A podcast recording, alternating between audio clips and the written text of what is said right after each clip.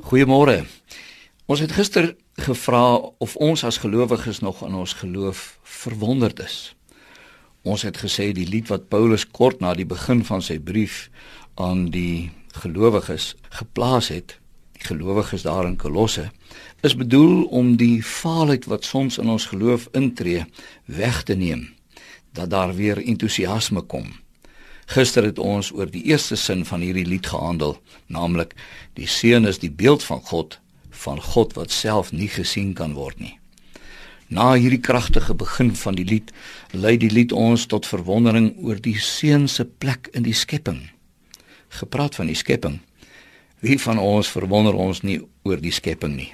Sonsopkoms, sonsondergang, die sterre, die see, die berge, die bosveld. Maar weet u, Deur hierdie lied lei die Heilige Gees ons om verder te gaan as verwondering oor die skepping. Luister na die lied, vers 15. Die seun is die eerste verhewe bo die hele skepping. Die lied sê, as jy opgewonde is oor die skepping, moenie daar vassteek nie. As dit jou innerlike aangryp, daar's meer. Daar is een wat verhewe is bo die hele skepping.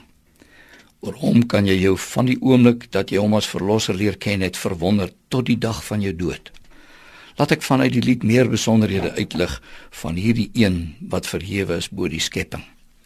Die skepping waaroor jy jou so verwonder, het God via iemand geskape, deur 'n skepingsmiddelaar. Ek lees vir u vers 16.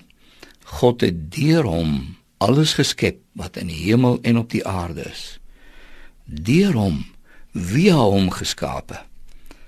Nou wie sal waag om dit met gewone mense woorde te probeer verduidelik? God die Vader het deur sy seun, die skepingsmiddelaar, die hele skepping tot stand gebring.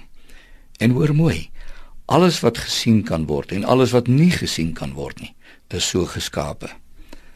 Geliefde luisteraar, ek weet nie u nie, maar ek sal nooit genoeg kry van hierdie mooi land waarin ons woon nie maar mag u en ek ons oor baie meer ja duisende kere meer verwonder oor die een deur wie God dit alles geskaap het.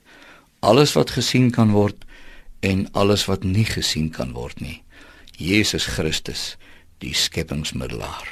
Kom ons bid nou saam.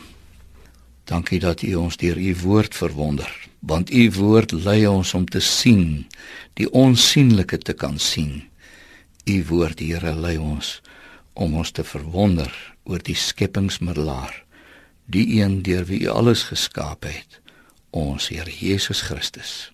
Amen.